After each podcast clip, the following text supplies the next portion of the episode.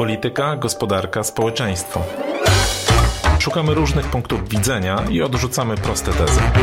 Rozmawiamy z ciekawymi gośćmi. Analizujemy sprawę z jednej, ale też z, z drugiej strony.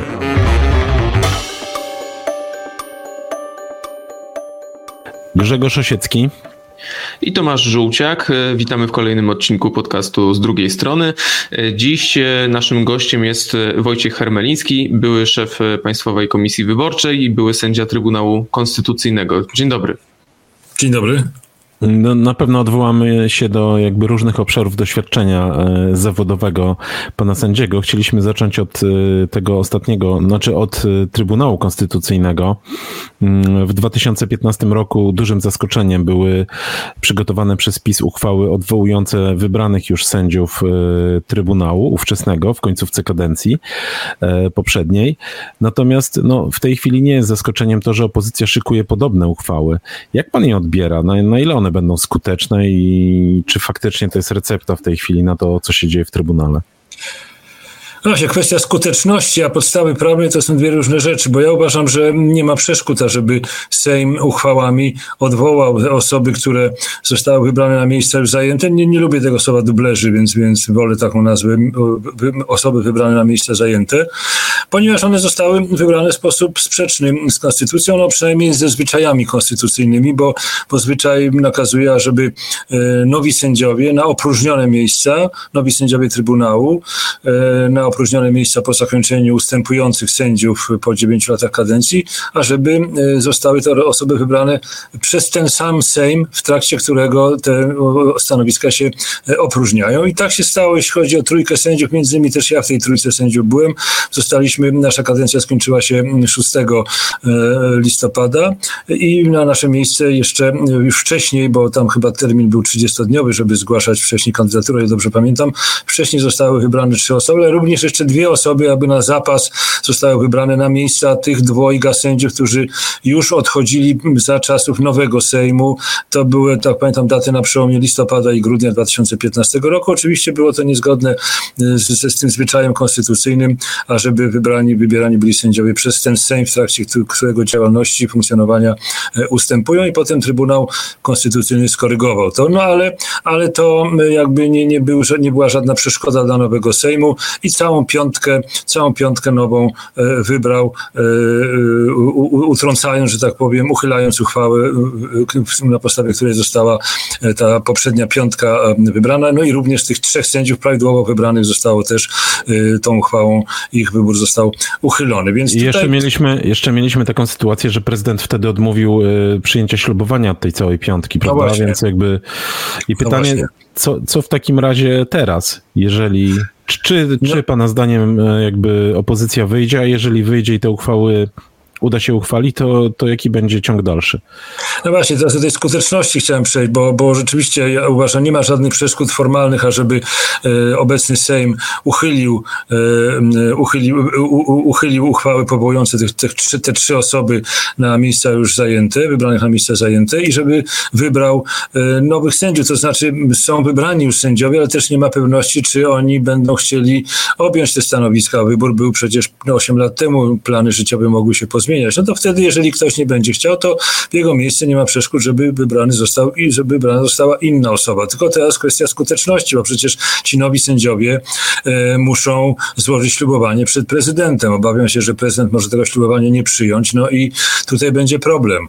Jeżeli, jeżeli by te osoby, te, te osoby, które już zostały powołane na miejsca już zajęte, e, po, po wydaniu uchwały przez Sejm same ustąpiły ze swoich stanowisk, wykonując tę uchwałę, co do tego też nie jestem pewien, no to chociaż o tyle sytuacja by się oczyściła, że e, Trybunał, gdyby orzekał, e, orzekałby już bez tych osób wybranych na miejsca zajęte, no w związku z czym wyroki Trybunału no byłyby już nie, nie mogłyby być podważane z uwagi właśnie na e, obsadzenie składów sędziowskich przez osoby, które sędziami czyli, nie są.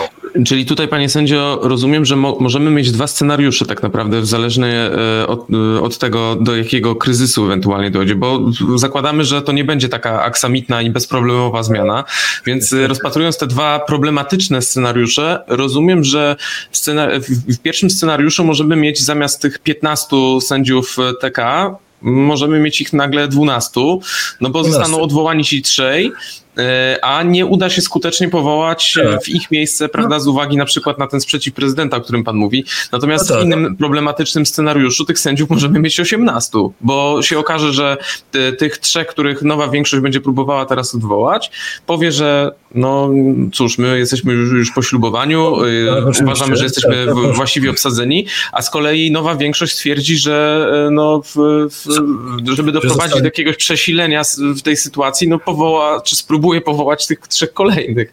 Ale tutaj oczywiście no też jest kwestia, co zrobi prezydent cały czas. No więc właśnie, no gdyby, gdyby jednak po tej uchwale Sejmu e, ta trójka osób wybranych na miejsca zajęte ustąpiła, wykonała tę uchwałę i nie, nie uczestniczyła w, w orzekaniu, no to wówczas pozostałoby 12 sędziów, to jest pełen skład, co najmniej 11 sędziów stanowi pełen skład i wtedy nie byłoby przeszkód, żeby Trybunał orzekał. No, w tym nie, niepełnym składzie, ale mimo wszystko wyroki mógłby wydawać w, w sprawach pełnoskładowych.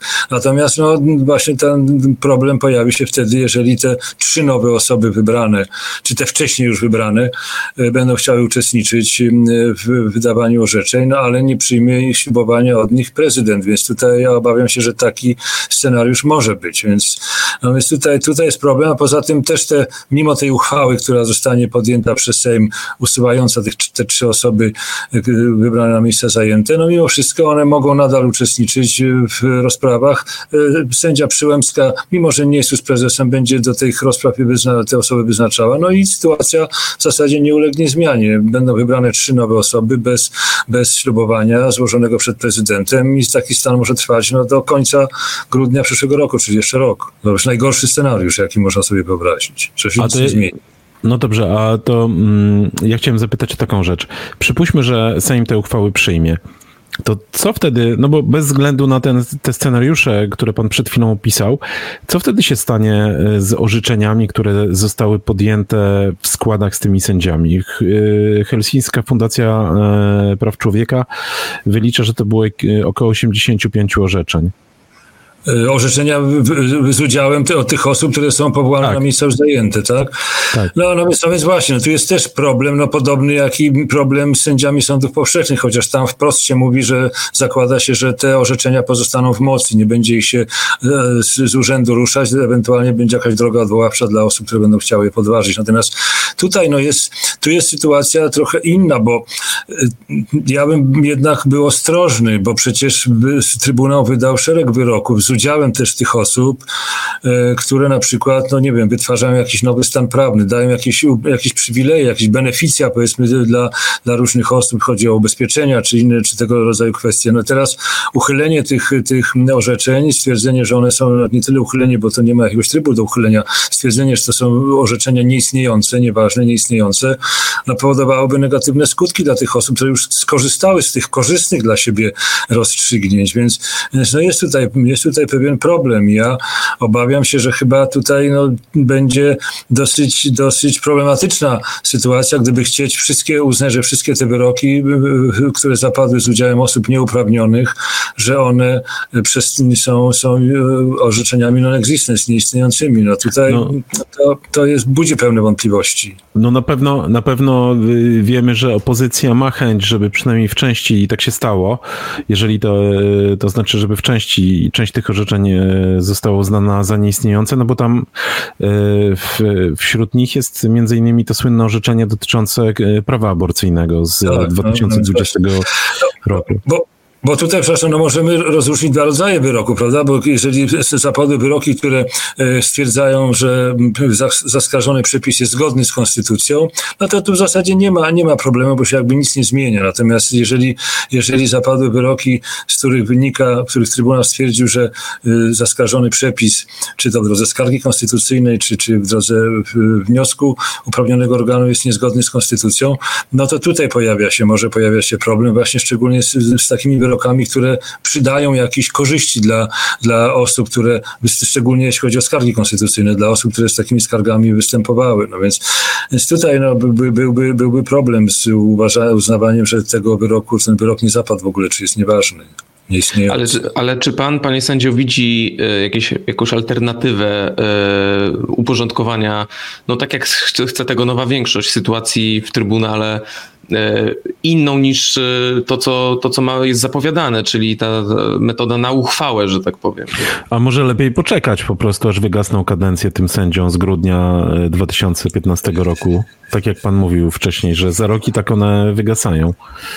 No za rok i tak one wygasają, ale ja uważam, że trzeba tym coś, coś zrobić. Jednak no, ustawa, oczywiście najlepszym wyjściem byłoby uchwalenie nowej ustawy, no ale wiadomo, że prezydent się sprzeciwi podpisaniu, to, jest prawie pewne.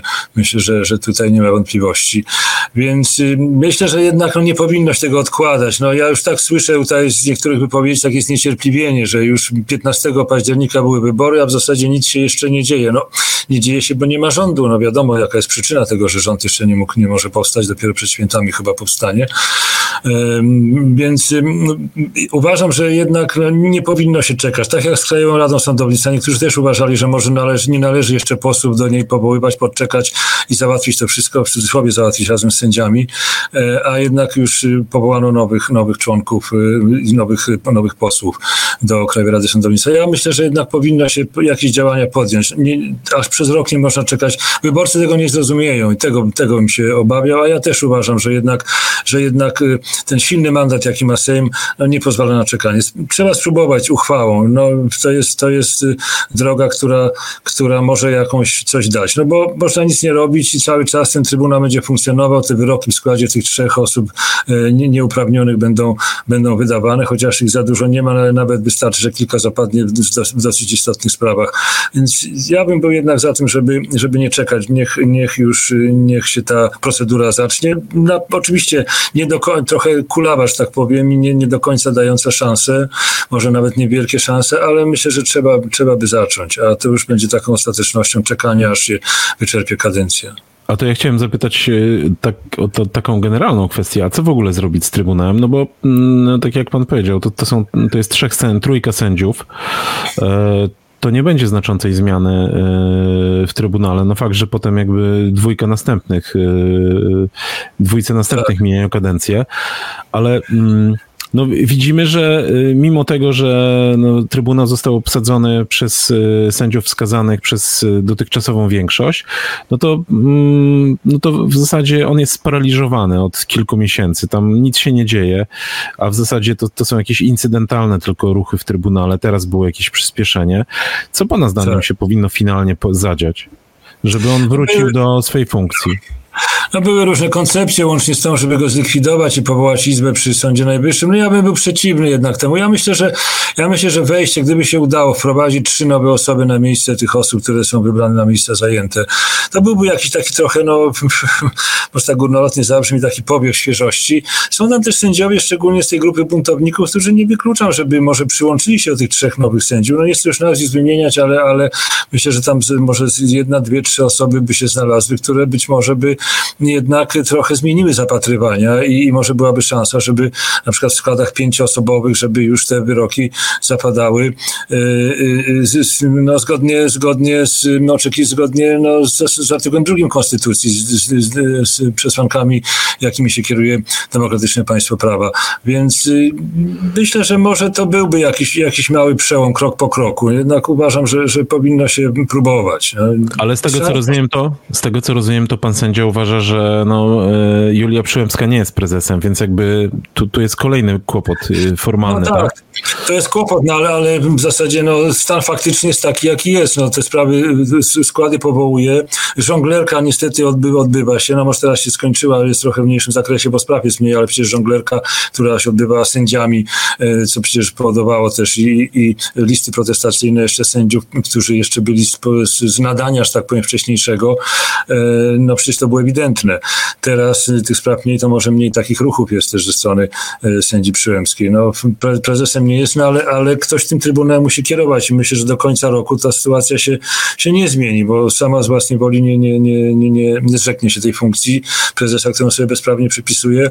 No i tak to pewnie będzie funkcjonować, że, że te sprawy będą jednak wyznaczane, no bo z drugiej strony, jeżeli nie ma możliwości przełamania tego impasu, ta grupa tych kontestatorów, tak to nazwę, może buntowników to złe słowo, grupa kontestatorów nie jest w stanie tego impasu przełamać i, i nadal będzie sędzia Przyłębska tutaj kierować Trybunałem, no to myślę, że tak ta sytuacja będzie trwała do końca, do końca, do końca przyszłego roku.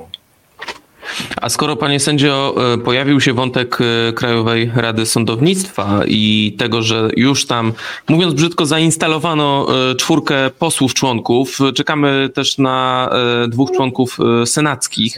Tak. Natomiast cały czas pozostaje ten problem tej piętnastki sędziów czy neosędziów, którzy, którzy, których pozycja tam jest kontestowana. E, I generalnie to powoduje, że ci posłowie, którzy poszli do KRS-u, e, cały czas e, podkreślają, że to jest niekonstytucyjnie sformułowane gremium. I pytanie, co tutaj zrobić, bo pojawiają się takie pomysły, żeby tę sprawę załatwił na przykład minister sprawiedliwości w rządzie Donalda Tuska. No z tym, że to, co ten minister mógłby zrobić, to chyba byłoby takie trochę nalepienie plastra na krwawiącą ranę, to znaczy kupienie sobie trochę czasu taką protezą legislacyjną polegającą na tym, że minister wstrzymałby e, konkursy sędziowskie, w związku z czym e, KRS nie miałby przez dłuższy czas właściwie co robić. E, w przypadku tych konkursów, za które odpowiada prezydent, czyli do Sądu Najwyższego, interpretowano by to w ten sposób, że przecież potrzebna jest kontrasygnata premiera, czyli Donald Tusk by po prostu blokował te konkursy. No i pytanie, co dalej, bo przecież jakiś KRS musi funkcjonować, no tylko pytanie, w jaki sposób y, doprowadzić do oczyszczenia i uporządkowania sytuacji w tym gremium? No bo też się mówi o tym, że tych sędziów, tę piętnastkę sędziów można odwołać uchwałą, no bo skoro zostali powołani uchwałą w sposób był sprzeczny z konstytucją, bo przecież nastąpiło przerwanie kadencji poprzedniej Krajowej Rady Sądownictwa i powołani, i powołani zostali e, decyzją Sejmu, organu, organu władzy ustawodawczej, e, co było sprzeczne chociażby nawet z orzecznictwem Trybunału Konstytucyjnego, który w kilku wyrokach powiedział taką, taką treść, że e, organ władzy publicznej nie może przypisywać sobie uprawnień, których nie ma. Nie może, inaczej mówiąc, mówiąc uzurpować sobie uprawnień, które, których mu ustawa czy wręcz konstytucja nie nadaje. Więc tutaj nie mógł sobie parlament tych przysporzyć tego rodzaju prawa do powoływania, do powoływania sędziów. I z drugiej strony też rację mają ci, którzy mówią, no ale w, w ustawie, w przepisie dotyczącym Krajowej Rady Sądownictwa nie jest powiedziane, kto sędziów powołuje. No rzeczywiście nie ma takiego, takiego przepisu, który by wskazywał, no bo myśl, podejrzewam, że ojcowie konstytucji no nie przewidzieli, że może dojść do takiego, do takiego bezprawia jak teraz, no ale też nie można, też nie można interpretować konstytucji tak, jak niektórzy to robią, jak to w wywiadzie ostatnim pan prezes Biernat powiedział, w takiej prymitywnej, prymitywnej interpretacji konstytucji, że palcem się tam zaznacza od do, tu ten kawałek przepisu mi pasuje. No trzeba na to patrzeć tak no, holistycznie, czy horyzontalnie, jak to się mówi, bo przecież jest też, są, są inne artykuły, artykuł 173 Konstytucji, który mówi, że, że władza, trybunały i sądy są władzą odrębną i niezależną. No skoro to jest jedyny przepis, który tak wysoko sytuuje władzę sądowniczą. Jeśli chodzi o wykonawczą, o wykonawczą czy ustawodawczą, no nie ma takiego przepisu, który by tak wysoko sytuował, tak separował od innych władz. Więc, więc tutaj no, chociażby z tego przepisu nie, niezależna i odrębna, no to znaczy, że nie może tutaj organ władzy wykonawczej czy ustawodawczej w to ingerować. Więc tutaj no, są, są oczywiście, tylko po, powstaje problem, bo załóżmy, że odwoła się tych 15 sędziów uchwałą Sejmu. Uważam, że jest to, że to było byłoby to prawidłowe e, działanie. Nie można by tutaj postawić zarzutu, że jest to bezprawie, bo unicestwia się bezprawną właśnie uchwałę. No tylko potem jest problem, kto ma teraz powoływać tych środowiska sędziowskie. No dobrze, ale które? Czy te łącznie z tymi neosędziami, czy trzeba przedtem neosędziów, tak powiem, odseparować? No tutaj, tu niestety, no y, trzeba, trzeba stworzyć przepisy. No musi być ingerencja ustawodawcy, bo w oparciu o samą konstytucję, no obawiam się, że to chyba nie, nie bardzo by to było było możliwe, musi być ku temu ustawa, jakiś przepis ustawy, który by wskazywał. No, ja rozumiem, że e, jest, jest, jest, e, są projekty Fundacji Helsińskiej, Fundacji Batorego, gdzie też mówi się o tym, że uczestniczą w tym środowiska sędziowskie, ale też i powiedzmy przedstawiciele samorządów zawodowych. Nie wiem, czy to jest dobry pomysł. Ja uważam, że sędziów powinni sami sędziowie wybierać. Mm, no ale podstawy prawnej ku temu na razie nie ma, czyli może być, może być luka pewna. No, nie będzie 15 sędziów tych, którzy są teraz, ale nie będzie innych, no więc będzie też, ale myślę, że chaos, znaczy chaos, no, no nieporządek czy bałagan będzie taki sam jak przy wydawaniu przez obecną KRS, przy, przy wskazywaniu prezydentowi y, kandydatów do powołania na, na sędziego, y, a, a jak również y, przy sytuacji, kiedy KRS nie będzie w ogóle pracował do momentu, aż, aż zostaną prawidłowo powołani, wskazani do, do wybrani do niego sędziowie. A co w takim razie z tymi sędziami, którzy zostali powołani przez e, obecną i poprzednią KRS i e, no, są na swoich urzędach i co z orzeczeniami tych sędziów? Znaczy mówimy już o sędziach nie z KRS, tylko w ogóle sądach powszechnych. Tak, tak. tak. O, o, o, tych, o, o, tych sędziach, których e, KRS wskazał w tym tak. nowym składzie i których prezydent powołał. I to i do Sądu Najwyższego, ale przede wszystkim do sądów powszechnych. No ja się przychylam do tego, do tego wniosku wielu konstytucjonalistów, żeby jednak te, tym wszystkim osobom, no proszę tak nieelegancko podziękować, żeby jednak te osoby um, z, odwołać z tych stanowisk, które bezprawnie zajęli, na zasadzie bezprawnych e, rozstrzygnięć Krajowej Rady Sądownictwa, a potem prezydenta. Niech albo wrócą do poprzednich zawodów, no albo niech wrócą do niższych stanowisk, jakie zajmowali, jakie zajmowali w sądach. Ja nie bardzo się, nie bardzo się zgadzam z, z takimi głosami, że no nie można wszystkich, e, wszystkich unblock e, sędziów usuwać, tych, którzy przeszli przez tę obecną tak zwaną Krajową Radę Sądownictwa, bo to wprowadzi duży, duży chaos i trzeba to dokonywać weryfikacji poszczególnych sędziów. To będzie robota na 15 lat. Ja, ja myślę, że, że to nie jest dobra metoda. No niestety, to jest tak, że przecież ci, te osoby, które zostały przez Krajową Radę Sądownictwa obecną przedstawione prezydentowi i powołane, no miały y, dużą, duży komfort, że tak powiem, startowania, bo przecież większość sędziów, myślę, że 90% sędziów, czy 85% sędziów nie chciało się kompromitować, defilując przed tą obecną Krajową Radą Sądownictwa, bo byłby to dla nich dyshonor, przez to, że oni się od tego powstrzymali, więc dlaczego teraz oni mają y, być w gorszej sytuacji? Sędziowie, którzy, ci tak, czy tak zwani sędziowie, czy sędziowie, którzy zostali awansowani bez, bezprawnie, y, y, teraz mieliby być poddawani weryfikacji. Ja uważam, że powinni wrócić do swoich poprzednio zajmowanych stanowisk, ewentualnie te luki, jakie będą e, z powodu ich odejścia z sądu wyższych instancji do niższych instancji, albo w ogóle powrotu do swoich uprzednich zawodów, czy adwokata, czy radcy prawnego, czy nie wiem, jeszcze innych, no to mogą być zapełnione tymczasowo przez delegacje sędziów y, z, z, z, innych sądów do, do tych sądów, gdzie będą braki. No oczywiście to jest problem, to tak się łatwo mówi, no ale ja bym, nie byłbym za tym, żeby dokonywać weryfikacji poszczególnych sędziów. To będzie, to będzie nieuczciwe wobec innych sędziów, tych, którzy się przyzwoicie zachowali i będzie, będzie e, e, trwało nie wiadomo ile lat. I, i, A co, w sumie tak? Co z orzeczeniami w takim razie tych sędziów, którzy y, no, mieliby w takim razie no, zostać zdegradowani z tego, co pan mówi? No, no oni... orzeczenia, orzeczenia uważam, że jednak powinny być utrzymane. Nie wyobrażam sobie sytuacji, żeby ileś tysięcy orzeczeń wydanych przez tych, tych ponad dwa tysiące sędziów, żeby było też uznane za nieistniejące. Tutaj ja myślę, że to jest dobry pomysł ze strony justicji, ażeby te orzeczenia zostały się, zostały w mocy. Ewentualnie y, powinien być jakiś środek odwoławczy, z którego mogliby skorzystać. No ale jakie, jakie, jakie można jakby utrzymać w mocy? No bo skoro y, jakby ci sędziowie... Znaczy nie podważać, którzy... no nie podważać, no wydany wyrok, ale... trudno. No, wyrok rozwodowy na przykład, no i teraz to stwierdzi się, że to jest wyrok nieistniejący, osoby, które są już pięć lat Ale jeżeli, ja rozumiem, ale jeżeli w tej chwili sędzia by na przykład został pozbawiony, uznano by, że on nie był sędzią w momencie wydawania tego orzeczenia, czy, czy w nieuprawniony sposób się stał, to rozumiem, że któraś ze stron tak czy tak ma prawo do tego, żeby podważać ten wyrok i nawet jeżeli nie w Polsce, to jakby wyjść e, poza Polskę wtedy. No tak. I szukać Natomiast sprawiedliwości. Jest trochę inna sytuacja, bo, bo jeśli chodzi o sędziów, e, tych tak, zwanych, tych tak zwanych dublerów w Trybunale, to tu można i wprost powiedzieć, że to nie są sędziowie, bo to, bo to nie są, to one są powołani są w sposób wadliwy. Natomiast większość sędziów, tych, które przeszły przez ten neo-KRS i następnie powołane zostały przez prezydenta, no to byli w większości sędziowie, którzy awansowali z niższych instancji do wyższych instancji, prawda, korzystali z tej możliwości awansowania w bardzo szybkim czasie. Niektórzy z sądu rejonowego wprost do apelacyjnego.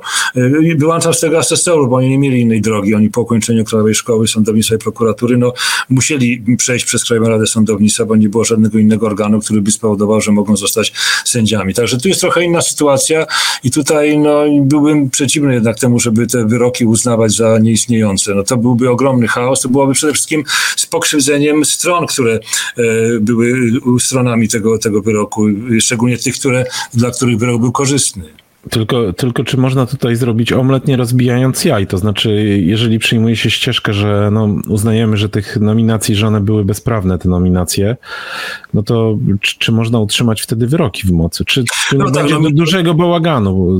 Nominacje były bezprawne, ale to nie były wyroki wydane przez, przepraszam, z całym szacunkiem dla tych zawodów cieśle, stolarza czy listonosza, tylko wydane też przez sędziów, tylko że sędziów funkcjonujących na niewłaściwym stanowisku. No, oczywiście to też nie, nie załatwia sprawy, bo bo sędzia e, powinien mieć wyznaczony, wyznaczoną, e, wyznaczony sąd, w którym orzeka i w tym sądzie powinien wydawać orzeczenia. Natomiast tutaj jest inna sytuacja. No ale niemniej jednak są to sędziowie. W większości są to sędziowie, tyle że e, którzy obsadzili stanowiska im nienależne, bo być może należne, ale, ale obsadzili, uzyskali te stanowiska w sposób sprzeczny z konstytucją. A to jeszcze chciałem zapytać o taką generalną rzecz, no bo w tej chwili mamy taką sytuację, kiedy no, mm, jakby głównymi e, instytucjami czy no, grupami, które podpowiadają, w jaki sposób ta reforma powinna się toczyć, no, są przede wszystkim e, środowiska sędziowskie. Z, drugiej, z jednej strony to oczywiście zrozumiałe, ale z drugiej strony też chyba jakby nie, i jeżeli chodzi o no, kwestie takie państwowe, no to pytanie na ile jakby e, one powinny być sędzią we własnej sprawie, to znaczy na ile powinny narzucać rozwiązania, na ile pana zdaniem tu jest miejsce dlatego, żeby politycy zachowali jakąś niezależną ocenę e, od e, tych podpowiadanych rozwiązań. Tak, rozumiem. Myśmy w Trybunale też jeszcze mieli tego rodzaju sytuację, kiedy um, opiniowaliśmy projekt um, ustawy o Trybunale Konstytucyjnym. To było tuż przed rokiem, chyba 2005.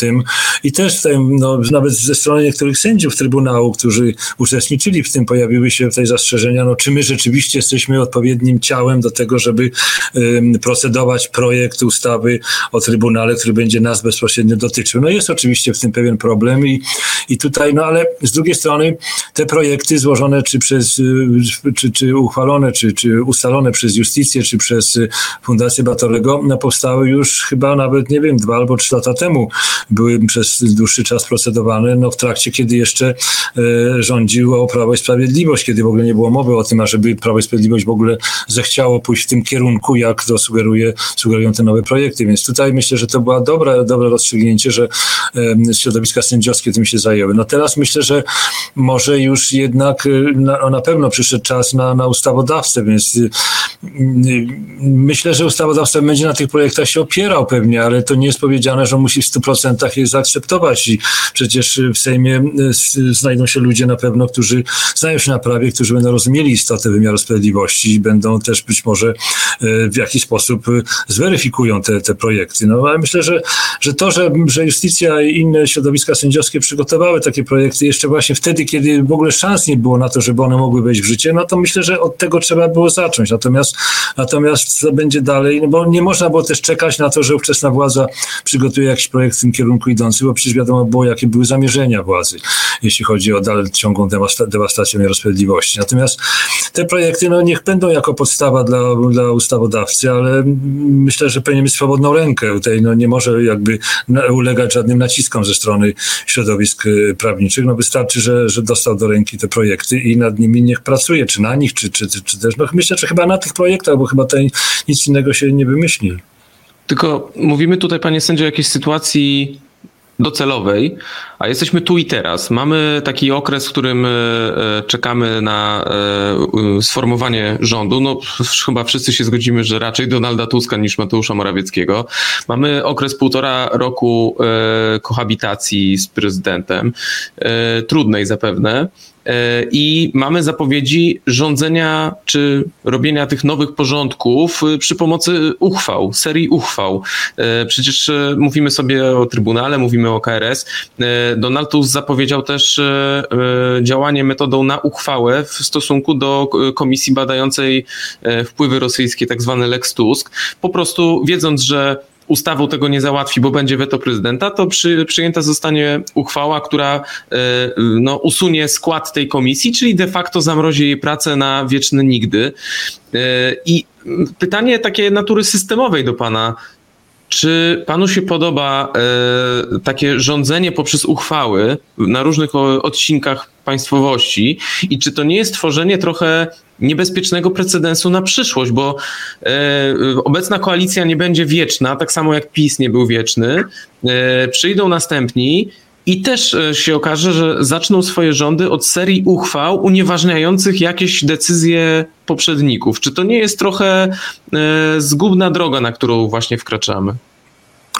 No, takie wątpliwości można, są uzasadnione, można je mieć. Wracając do tej, tej komisji rosyjskiej, no tutaj też nie ma innego wyjścia, bo skład komisji został uchwałą powołany po poprzedniego Sejmu, więc nową, e, nowy Sejm może też uchwałą zmienić ten skład komisji. Natomiast co do, jeśli tak patrząc generalnie na ten problem, oczywiście ja wcale nie jestem tej zwolennikiem, żeby wprost przeciwnie, powinno to być regulowane e, uchwałami, e, ustawami, przepraszam. No z tym, że sytuacja jest taka, jaka jest. Ja rozumiem, że jest takie niebezpieczeństwo, że to jest, to jest może się spodobać też i następnej władzy, bo przecież to jest łatwe i przyjemne, nie trzeba tutaj e, uchwalać ustawy, nie trzeba iść z nią do prezydenta, e, można podjąć uchwałę. No z tym, że to jest jak do jakiegoś momentu tylko. No wiadomo przecież, że ta uchwała, która będzie dotyczyła czy tych tak zwanych dublerów w sądzie, w Trybunale, czy powiedzmy sędziów w Krajowej Radzie Sądownictwa, czy też powiedzmy w jakichś innych jeszcze ciałach, gdzie, gdzie e, skład był powoływany przez uchwałę sejmową, no to na tym etapie no, można to zrobić. Ja uważam, że to jest jakby stan wyższej konieczności obecnie, bo trzeba czegoś zacząć, nie można czekać e, jeszcze roku. Wiadomo, że sprawa wymiaru sprawiedliwości prezydent pewnie będzie wetował ustawy. No więc na razie, żeby jakoś oczyścić to przedpole, no i usunąć te osoby, które są bezprawnie powołane, to ja uważam, że jednak uchwały są tutaj, uchwały sejmowe, e, ustawy, ustawy, uchwały wydawane przez ustawodawcę są właściwe, no ale to nie jest droga oczywiście e, na trwałe i przyjdzie taki moment, że no po usunięciu, załóżmy, po usunięciu tych osób, które zostały wybrane na, na miejsca już zajęte w Trybunale, no przyjdzie moment, że trzeba będzie być może najprawdopodobniej Trybunał zreformować, chociażby kwestia tych, tego pełnego składu. Czyli też jeśli chodzi o Krajową Radę Sądownictwa, no tutaj jest nie, nie, nieodzowna ustawa, bo to jest tylko tymczasowe takie działanie, e, wymiana 15 sędziów na, na 15 innych. E, ale kto ma to zrobić, na jakiej zasadzie? No to musi być ustawa, to, to się inaczej tego nie, nie obejdzie. No więc to nie obejdzie się ustawy drogą uchwał. Ta uchwała może być tylko jedna, natomiast dalej no, musi być ustawa, bo na podstawie samej konstytucji uważam też się tego, też się tego nie rozstrzygnie. Więc, więc te, ja mam nadzieję, że te uchwały będą tylko na ten, na ten krótki dystans, na tym, tym krótkim odstępie czasu, kiedy trzeba te pilne sprawy załatwić. Nie można z tym czekać. Jestem przeciwnikiem czekania, bo jak się zacznie tak to przewlekać, rozwlekać, to będzie to, co było kiedyś. Osoby, które powinny ponieść odpowiedzialność, nie poniosą, bo będzie jakiś, znowu jakaś przeszkoda.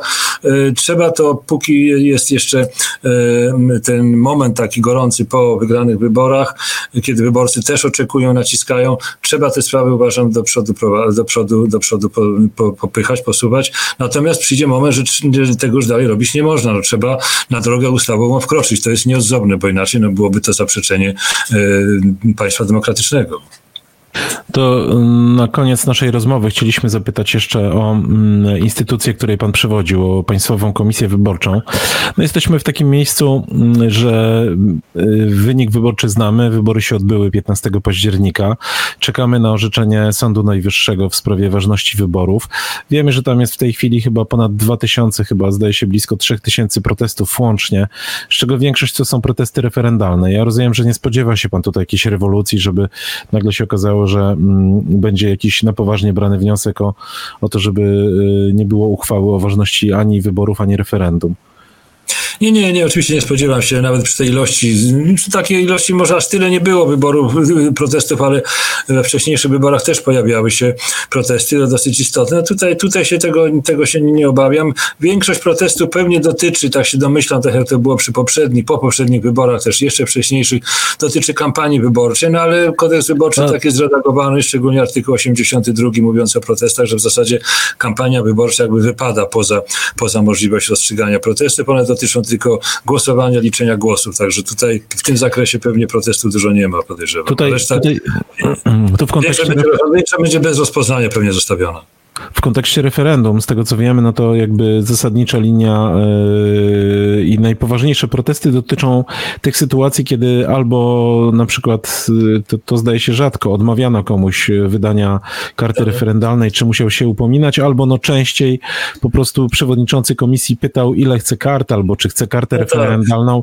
Czy, czy pana, ja to rozumiem, że to, no, to nie były zachowania pewnie chwalebne przewodniczących, ale chciałem zapytać, kiedy, kiedy jakby nieprawidłowości mogą skłonić Sąd Najwyższy, czy kiedy powinny skłonić e, Sąd Najwyższy do tego, żeby uznał, że no, głosowanie czy w wyborach, czy w referendum jest nieważne. To musi być jakaś, rozumiem, proporcja tych pro protestów do wyniku wyborczego, tak? To musi być tu wykazany istotny wpływ. No tutaj zgadzam się z panem redaktorem, że tu rzeczywiście przewodniczący komisji czy członkowie no, nie powinni jednak tutaj pytać, czy chce się wziąć jedną kartę, czy dwie, czy trzy, bo to nie jest ich rola. To jest rola wyborcy. Natomiast ja nie, nie, widzę tu możliwości stwierdzenia, że naruszenia prawa wyborczego były tego rodzaju, że miały istotny wpływ na, na wynik wyborów. No więc tu, tu, tu tego, to, to, to, że ta kwestia związana z pytaniem przez członków komisji, czy pan chce, czy pani chce wziąć tam wszystkie karty, czy, czy bez jednej, to, to nie, moim przekonaniu to nie ma żadnego znaczenia.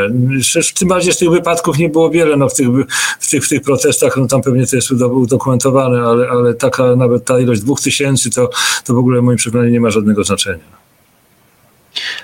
A e, ja chciałem pana jeszcze na koniec zapytać o e, właśnie wspomniane przez Grzegorza e, instytucje, czy gremium, którym pan miał zaszczyt kierować, czyli Państwową Komisję Wyborczą. No, kilka lat temu PiS zdecydował o takiej radykalnej zmianie modelu wyłaniania członków PKW. Wcześniej był to model stricte sędziowski. Dzisiaj sędziów mamy dwóch, czyli sędziego TK i sędziego NSA. Natomiast pozostałych siedmiu członków PKW e, wskazują e, poszczególne kluby e, sejmowe. E, no i pytanie, który model jest e, bardziej pożądany Pana zdaniem? I e, zaszyję do tego jeszcze drugie pytanie. Czy Pana zdaniem możliwy jest jeszcze powrót do wcześniejszego sędziowskiego modelu, czy jednak ta nowa większość, która z tego co słychać przymierza się do wskazania tych siedmiu członków na tę nową kadencję, zwłaszcza, że przed nami wybory samorządowe i europejskie, więc trzeba to w końcu zrobić, no, że nie będzie miała zbyt dużej motywacji, żeby wrócić do tego poprzedniego modelu. No tak, no tutaj, ponieważ Państwowa Komisja Wyborcza nie jest, nie, nie, nie jest zainstalowana, że tak powiem, w Konstytucji, nie ma o niej mowy w Konstytucji, w związku z czym tutaj no, ustawodawca to trzeba przyznać, ma prawo formować ten, ten skład, czy, czy y, usta, ustalać y, z jakich, y, jakich, jakich, z jakich członków to ciało ma się składać, czy to tylko sędziowie, czy składy mieszane, tak jak w niektórych krajach, a w Niemczech na przykład w ogóle sędziowie nie, nie występują w komisji, w tej centralnym organie wyborczym, tylko sami urzędnicy ministerialni, chyba z tego co co, co pamiętam z Ministerstwa Sprawiedliwości. To jest kwestia też kultury prawnej na pewno. Tutaj ja obawiam się, że ja byłem przeciwny od, od, od początku, kiedy w roku 17, w końcu roku 2017 zaczęto już y, proponować zmiany w kodeksie wyborczym. Ja byłem przeciwny rugowaniu sędziów, e, byłem przeciwny też y, e, jakby wiązania rąk y, Państwowej Komisji Wyborczej, jeśli chodzi o kwestię wyboru szefa Krajowego Biura Wyborczego. Tutaj uważam, że Państwowa Komisja Wyborcza powinna mieć swobodę w wyborze, a nie żeby minister spraw wewnętrznych w oparciu o jakieś nieznane przesłanki narzucał e, kandydatów. No ale to obawiam się, tak jak pan redaktor też tutaj podejrzewa pewnie, że raczej, raczej obecna władza no, nie będzie się spieszyła co, co najmniej z powrotem, ale obawiam się, że w ogóle nie będzie pewnie już o tym myślała. E, ja, ja jestem, byłem przeciwny usuwaniu sędziów z tego powodu, że uważam, że najwyższy organ e, wyborczy, strukturze wyborczej powinien być całkowicie niezależny. Jednak wpływ Sejmu, władzy ustawodawczej no, nie powinien tutaj mieć, mieć miejsca. Nie twierdzę, że osoby, które są wybrane, ta siódemka, że to są, że to są osoby narzucone politycznie, że to są w ogóle politycy, no, ale to odium, że tak powiem, tej polityczności, które wywodzi się z Sejmu, z organu politycznego, no ciąży na nich, no tym bardziej, że, że widzimy tutaj też te jakieś, no myślę, że skutki właśnie uboczne tego w postaci chociażby piastowania różnych funkcji w organach, w spółkach Skarbu Państwa. E, no, nie, to nie ma zakazu oczywiście, ale pewne zasady etyki które, które nie są spisane, ale funkcjonowały zawsze w PKW, one jednak powinny, powinny jednak uczulić te osoby i żeby zastanowiły się, czy rzeczywiście powinny te funkcje pełnić. Nie wiem, jak będzie z nowymi członkami, czy, czy będą również tutaj starały się, e, będą chciały też zajmować jakieś stanowisko. Innego jest powiedzmy adwokat, który prowadzi kancelarię adwokacką, to jest, to jest co innego. Nie dlatego mówię, że byłem kiedyś adwokatem, ale to jest, jest to zawód zupełnie wolny, tutaj nie ma jakiegoś podporządkowania ze strony e, organów nadzorczych firmy, w, którą się, w której się Radzie Nadzorczej. No tu właśnie taka sytuacja może, może wystąpić. No a poza tym kwestia też e, oceny sprawozdań finansowych. No, no nie może być osoba, która jest wskazana przez Sejm, e, która była kiedyś członkiem też partii, nie może oceniać teraz sprawozdań finansowych przedstawionych przez poszczególne partie czy komitety wyborcze. Więc tutaj no, to, to trzeba się nad tym zastanowić. To uważam, że osoby, które chciałyby też jakieś inne funkcje piastować, takie e, niezwiązane z, z organami wyborczymi, no powinny zastanowić się, czy rzeczywiście tam jest w tym PKW jest ich miejsce. E, to dziękujemy bardzo. Na koniec pewnie możemy mieć nadzieję, że jeżeli chodzi o PKW, to przynajmniej kwestie normy przedstawicielskiej uda się uregulować w tym parlamencie, no, no tak właśnie, tak było. No właśnie, może wreszcie, bo widzę osób, i, i pani marszałek Sejmu, poprzedni marszałkowie, no jakoś tak skwapliwie chowali gdzieś tam te, te wnioski Państwowej Komisji Wyborczej, no a przez to można nawet postawić formalny zarzut, że wybory są, są nierówne, bo, bo przecież no, niedopasowana, że tak powiem, ilość w niektórych okręgach wyborczych. Choć tutaj, yy, choć tutaj taki niuansik, że e, z jednej strony mamy przekroczoną psychologiczną granicę, to znaczy ta norma jest naruszona w ponad połowie z 41 E, okręgów e, sejmowych i to budzi niepokój. Choć z drugiej strony pojawiają się takie, takie analizy, między innymi doktora Macieja Onasza, e, z których wynika, że na szczęście to zaburzenie normy nie miało jakiegoś istotnego wpływu na finalny no tak. wynik wyborczy, więc no, no pytanie, tak, w którym momencie to jednak stanie się naprawdę tak, pod tym kiedy, kiedy tak, ta ilość przejdzie w jakość. Całe szczęście, że tego nie było, no bo to można by wtedy stawiać zarzuty i domagać się w ogóle stwierdzenia nieważności wyborów. No, ale tak, więc pewnie le, lepiej się nie zastanawiać nad tym i lepiej ten problem rozwiązać. Tak, e, chcieliśmy... Chcieliśmy bardzo serdecznie podziękować. Naszym gościem był pan sędzia Wojciech Hermeliński, były szef Państwowej Komisji Wyborczej i były sędzia Trybunału Konstytucyjnego. Dziękujemy. Ja również bardzo dziękuję. I Państwa zapraszamy na część drugą.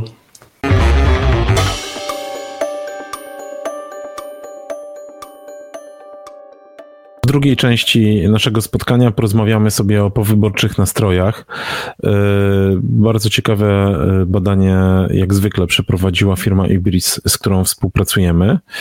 E, ono pokazuje, no, powyborcze nastroje elektoratów. Jesteśmy ponad miesiąc po rozstrzygnięciu wyborczym. Rząd się nadal tworzy, drugi rząd też się tworzy, więc e, dalej jesteśmy w takim punkcie zawieszenia. No i jak na to reagują wyborcy? No mamy bardzo specyficzną sytuację e, w obecnym momencie. Y, ona w każdej chwili może się zmienić. No pewnie zmieni się w momencie, kiedy y, powstanie rząd Tuska, albo kiedy powstaną te komisje śledcze, które zaczną rozliczać y, polityków PiSu, więc ta sytuacja jest, to jest taki, takie zdjęcie rzeczywistości. I specyfika tej sytuacji polega na tym, że po jednej stronie mamy wyborców opozycji i ich nastrój, a ten nastrój jest, wydaje się, dość korzystny dla nowej większości sejmowej i przede wszystkim Donalda Tuska, bo ten nastrój można streścić w taki sposób, że wyborcy nie oczekują teraz e, jakiegoś masowego dowożenia obietnic wyborczych. Oczywiście fajnie by było mieć kwotę wolną 60 tysięcy, jakieś może zmiany e, w służbie zdrowia i tak dalej, ale e, tutaj priorytety są zupełnie inaczej ustalone i z tych badań jakościowych Ibrisu wychodzi, że wyborcom opozycji tak naprawdę wystarczy w tej chwili polityczny spektakl, igrzyska, rozliczenia, czyli właściwie to, co zapowiada e, teraz Donald Tusk. E, I no, mamy trochę powrót takiej ciepłej wody w kranie pod tym kątem. Natomiast e, ta realizacja programu to gdzieś jest odłożona na później i no, tutaj nowa większość może ewidentnie liczyć na takie pobłażliwe traktowanie ze strony ich sympatyków. Dla kogo ciepła woda, dlatego ciepła woda. Natomiast y, to jest ciekawe, co mówisz, no bo tak na logikę by się wydawało, że ta strategia obecna, no to jest trochę wymuszona właśnie tym okresem takiego wyczekiwania do momentu, aż opozycja będzie w stanie uformować własny rząd. Dlatego pierwsze, co może zrobić, no to może wychodzić y, z tymi uchwałami, o których mówiliśmy w pierwszej części naszego programu, no albo może zgłaszać pomysły komisji śledczej, które będą, y, będą służyły do rozliczania PiSu. Natomiast no, y, ta sól y, obietnic wyborczych, jak widać, z tego będzie musiała czekać. Pytanie, czy to nie zaszkodzi jakby na dłużej, no bo pytanie, ile i wyborcy będą konsumowali igrzyska. No, na pewno jest to poczucie, że wygraliśmy, że odzyskujemy jakąś kontrolę nad rzeczywistością i e, nasze postulaty zaczną być e, wysłuchiwane. No zresztą przecież Sejm pierwszą ustawą, za jaką się wziął, jest e, ustawa dotycząca państwowego finansowania in vitro, pod którym podpisało się pół miliona ludzi, więc ten słuch Donalda Tuska i jego ekipy, jak to, jeżeli tak to mogę nazwać, y, on chyba dobrze wyczuwa te nastroje. No przecież po to też była ta cała zapowiedź serii komisji śledczych. Trzy komisje śledcze, które mają e, rozpocząć e, pracę e, jeszcze w tym roku. Na pierwszy ogień ta dotycząca skontrolowania wyborów kopertowych. I właśnie opozycji, opozycyjni, dotychczas opozycyjni wyborcy oczekują tylko takiego przypieczętowania tego zwycięstwa, czyli właśnie rozliczenia, czyli właśnie tego, żeby Mateusz Morawiecki już zakończył tę e, e, misję sformowania tego rządu urojonego, jak to się mówi w Sejmie. E, I, i, I to daje dobry punkt startu dla tej nowej koalicji, że będzie w stanie zaspokajać te potrzeby, bo, bo to, czy będzie w stanie je zaspokoić później, no to myślę, że o to może być już dużo, dużo trudniej, kiedy dojdzie na, do realizacji postulatów wyborczych, zwłaszcza tych kosztownych kosztownych w świetle tego, co, co e, widzimy e, w finansach publicznych. E, ale też spójrzmy na tę drugą stronę, czyli wybor, wyborców PiSu, bo no właśnie, bo ja... Też, no bo, nie, ma, bo... nie ma, wiesz, takiego poczucia jakiegoś nokautu, jakiejś wielkiej przegranej, tylko Ale właśnie to jest, jest dziwne, dlatego... zagrożenia, które dopiero przyjdzie ewentualnie.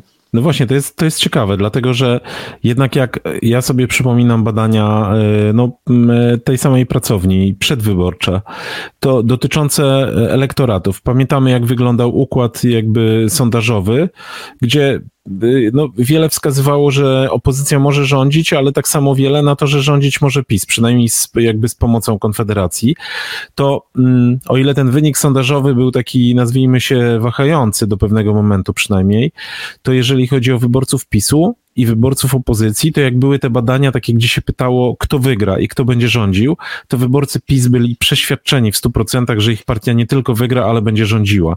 I jakby w tym momencie to jest y, upadek z wysokiego konia. No zresztą y, trochę tak jak, y, jak polityków tej formacji. I pytanie jakby, jak oni to przetrawią. No tutaj, tutaj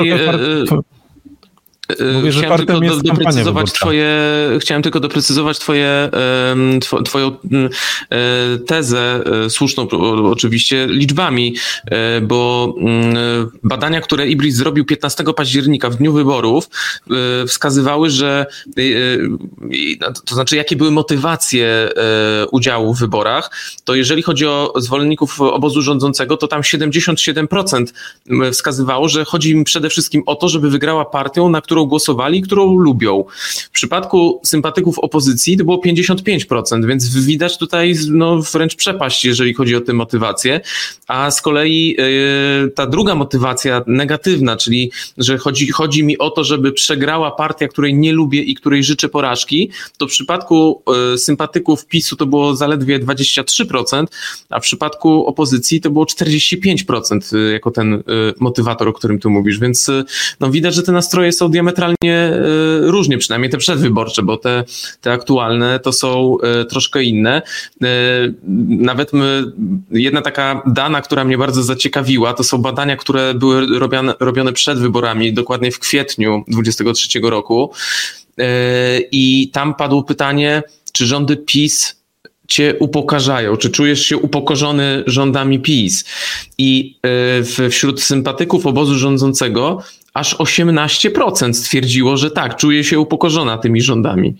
E, I czym to można tłumaczyć? No, najpewniej tym, że e, to, to jest ta grupa wyborców PiSu, którzy uważali, że PiS to nie jest ich e, do końca bajka, ale tamci są gorsi. Przyjdą tamci, będzie gorzej, Przy, przyjdą tamci, zabiorą i tak dalej, i tak dalej. Więc ta, ta układanka jest bardzo skomplikowana, no ale Dzisiaj wyborcy PiSu e, no, mają takie raczej nastawienie, że e, to nie, to, to nie jest jakaś wielka porażka, którą odczuli i e, co, co powinno się stać, to też wynika z tych badań, a właściwie interpretacji tych badań, co powinno się stać, żeby zachwiać tym poczuciem bezpieczeństwa wyborców PiSu, no to jest sytuacja materialna. To znaczy ta sytuacja materialna, gdybyśmy patrzyli na płace realne i płace nominalne, no to tutaj następował bardzo duży rozjazd.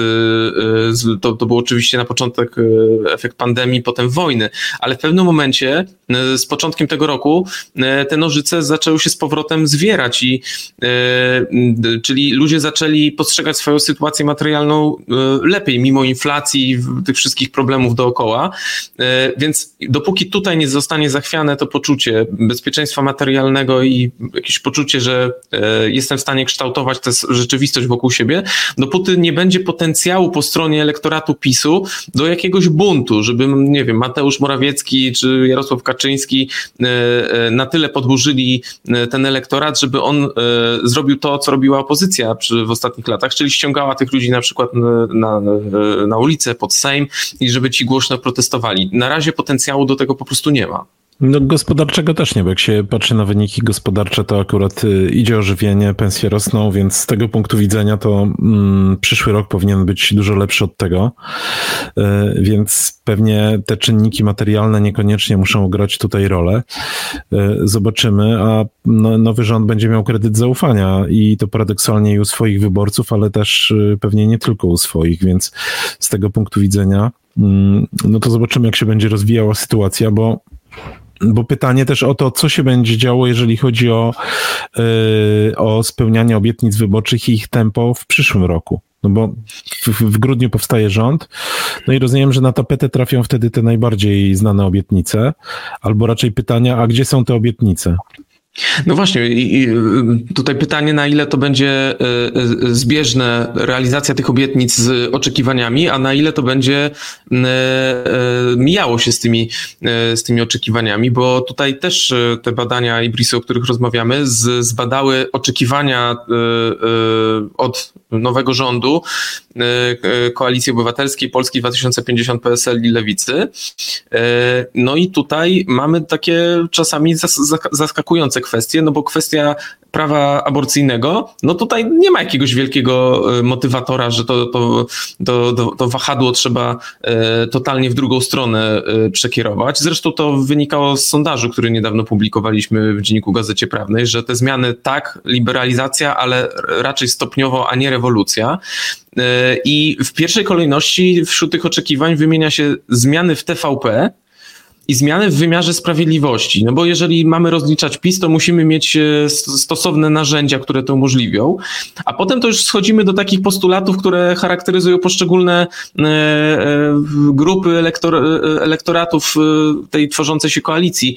Bo na przykład wyborcy trzeciej drogi podkreślają służba zdrowia, wyborcy koalicji obywatelskiej mówią KPO, z kolei znów trzeciodrogowcy, ale też wyborcy PiSu mówią o kontynuacji projektów infrastrukturalnych, a wszyscy, absolutnie wszyscy mówią o kwestii uporządkowania podatków, e, czyli cofnięcia tych niektórych zmian, zwłaszcza składkowych, wynikających z Polskiego Ładu. Widać więc, jakimi jakim problemem i jakim, jaką polityczną hipoteką okazał się dla PiSu Polski Ład, który przecież przypomnijmy miał być e, dopalaczem wyborczym i, i, i sondażowym, a w, wygląda na to, że okazał się betonowymi bucikami aż po dzień dzisiejszy. E, no i e, o tym, jakie buciki będzie nosiła nowa władza, e, porozmawiamy w kolejnym odcinku za tydzień, na który zapraszamy. A dzisiaj już dziękujemy. Grzegorz Osiecki i Tomasz Żółciak.